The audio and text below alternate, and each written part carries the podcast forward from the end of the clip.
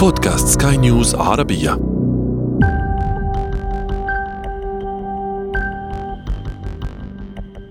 هل يمكن لأحد أن يعود من الموت؟ هل تجارب الاقتراب من الموت حقيقية أم أنها مجرد هلوسة أو هذيان مرضي؟ المريض بيحس إنه غادر الجسد بتاعه كيف يمكن لآلاف الأشخاص من جنسيات وثقافات وأديان مختلفة أن يتفقوا في مشاهدات متشابهة؟ وهل يمكن أن تفسر الأبحاث العلمية الجارية تجارب خارجة عن المألوف؟ في وظائف لهذه المناطق نحن لا نعلم عنها شيء. أهلا بكم. أنا عمرو جميل وهذا بودكاست بداية الحكاية. بداية الحكاية.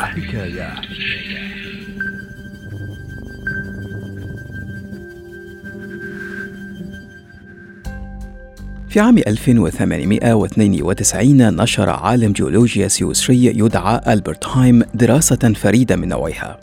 ألبرت هايم لم يكن شخصا عاديا ولا باحثا متواضعا. في الواقع كان البروفيسور هايم أستاذا للجيولوجيا بجامعة زيورخ ورئيس اللجنة الجيولوجية السويسرية وله مساهمات رائدة في ذلك العلم الجيولوجيا كان عالما مرموقا لدرجة أنه حصل على أكثر من سبعين جائزة سويسرية ودولية منها دكتوراه في العلوم من جامعة أكسفورد. لكن الدراسة التي نشرها البروفيسور هايم لم تكن في مجاله الجيولوجيا بل تحدث فيها عن تجربة سقوط تعرض لها أثناء تزلجه على جبال الألب. كانت تجربة السقوط مروعة وكان من المفترض أن تودي بحياته لكنه نجا. لكن الغريب أن الدكتور هايم وبعد نجاته نجح في وصف الثواني التي عايشها وهو يسقط من قمة الجبل. روى كيف أنه مر بتجربة شاهد فيها شريط حياته أمام عينيه واسترجع ذكريات كانت قد سقطت من ذاكرته وتعرض لتدفق من المشاهد السريعة ومع ذلك الواضحة.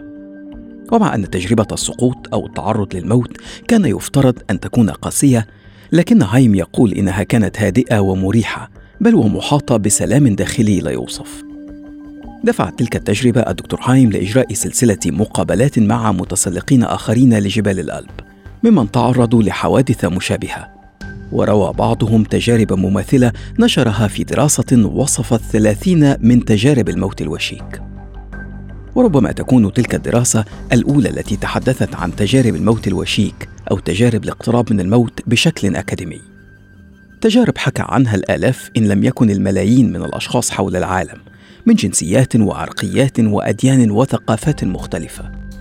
ودفعت بعالمي نفس أمريكيين هما راسل نويز وروي كليتي لترجمة كتابات هايم إلى الإنجليزية ونشرها في عام 72 ثم جاء عالم نفس أمريكي شهير آخر يدعى ريموند مودي لإجراء دراسة أخرى في نفس الموضوع. ومودي نفسه لم يختبر تجربة الاقتراب من الموت. لكنه قال إنه التقى بأشخاص عديدين كانت لهم تجارب مماثلة وبعد إجراء دراسته نشر مودي كتابا في عام 75 بعنوان Life After Life أو الحياة بعد الحياة. وصف مودي في كتابه العناصر التي تتكرر في سردية الذين عادوا من الموت. فقال إن العناصر المشتركة كانت شعور جميع من عادوا من الموت بالسلام والتحرر من الألم. وإنهم جميعا كان لديهم شعور بالخروج من جسدهم المادي والطفو أو الانجراف نحو الظلام. كثير من هؤلاء تحدث عن نفق مظلم آخره ضوء وعن تتابع لصور مرئية من حياتهم سريعة للغاية لكنها مرئية ومفهومة. كثير ممن مروا بالتجربة أيضا تحدث عن وجود كائن نوراني وبعضهم تحدث عن وجود أقارب متوفين خلال تلك اللحظات. باع كتاب مودي ملايين النسخ وترجم لاكثر من عشر لغات لكنه تعرض أيضا لانتقادات علمية مثل فكرة غياب الجانب التجريبي وعدم وجود دليل موثوق على هذه التجارب وتجاهل المؤلف لمؤلفات علمية تتناول تجارب الهلوسة. لكن الانتشار الواسع والنقاش الذي تسبب فيه كتاب مودي فتح الطريق أمام إجراء دراسات أخرى على تجربة الاقتراب من الموت.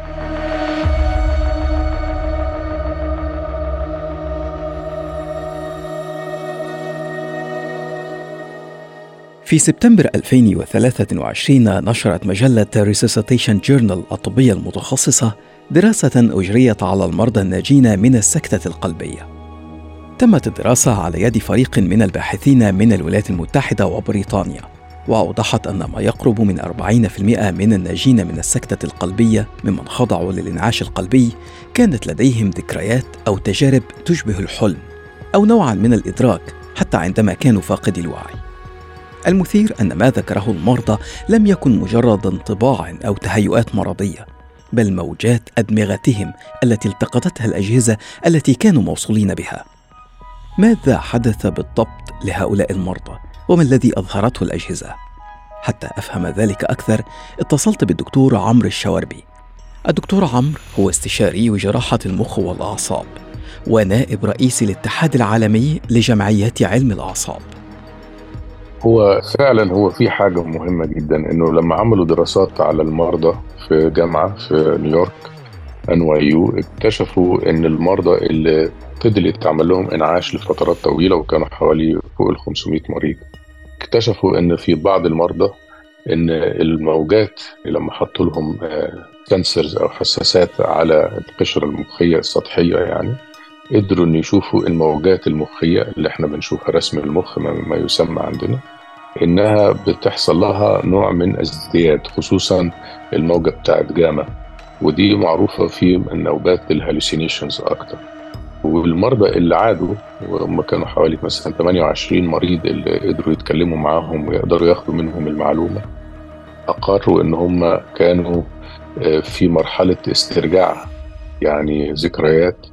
وفي مرحلة يعني محاسبة النفس على أي شيء.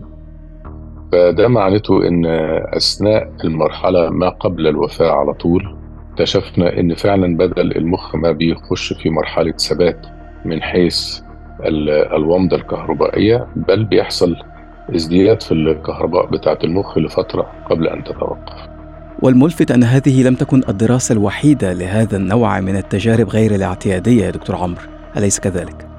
الدراسة خصوصا اللي بعتها لي هي دراسة يعني مكررة في كذا بحث قبل كده اللي هي المريض بنسميه out of the body experience إن المريض بيحس إنه غادر الجسد بتاعه وانه هو شايف نفسه وهو في مرحلة الإنعاش أو أثناء عملية جراحية دقيقة والبحث اللي إحنا شفناه سوا إن هو المريض ده عنده 80 سنة وكان الأطباء بيحاولوا يعملوا له عمليات في القفص الصدري للقلب وهو كان حاسس إنه عايز يتكلم معاهم يشرح لهم إن هو مش واخد تخدير بل فوجئ إن هو أساسا خارج جسمه وشايف نفسه في العملية.